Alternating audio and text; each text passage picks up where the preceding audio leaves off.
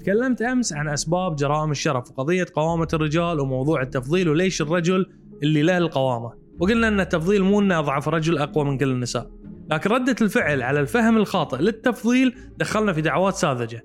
مثل القول إن المرأة ممكن تشتغل ميكانيكي وإن الرجال يقدر يصير مربية منزل. هالشيء أشبه بأنك تقول لمدرب كرة قدم إن المدافع اللي يقدر يسجل أهداف لازم تلعبه هجوم. لأنه راح يرد عليك ويقول لك أدري بهالشيء. وأعرف إن المهاجم ما عاد يقدر يصير حارس. وهالشيء نسويه بس في وقت الأزمات لما ينطرد الحارس أو يتعور المهاجم. لكن في الوضع الطبيعي فكل لاعب له دوره ومكانه. لأن المطالبة بأن يستغني عن مهاجم مقابل مدافع هو مو بس مطالبة غبية ومو في مكانها لكن بعد تخفي شيء من الاحتقار لدور المدافع اللي المفروض يلعبه. طلب المساواة مع أي شخص معناها أنك تشوف نفسك أقل منه وتبي تتساوى معاه في مستواه. بمعنى آخر الفقير يبي يتساوى مع الغني بس الطبيعي أنه يبي يتساوى معاه في الغنى مو في الفقر.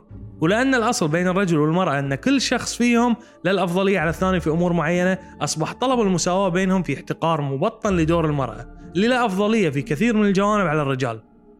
الصحيح أن المطالبة لازم تكون بتمكين المرأة للأمور اللي لها أفضلية على الرجال والعمل على إعطائها حقوقها كاملة.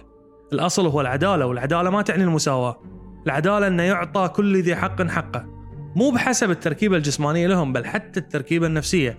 فنفسية الرجل فيها حاجة الدفعة لحماية المرأة الدفاع عنها للعناية فيها لتوفير حاجياتها وبالمقابل في حاجة عميقة أيضا في داخل كل مرأة مثل أن يحتويها الرجل يعتني فيها يغار عليها يحميها من الآخرين. وهذا بالضبط هي خلطة القوامة اللي تحدث عنها الله سبحانه وتعالى. وهذا اللي يفسر اختيار الله سبحانه وتعالى للرجل لهالمهمة.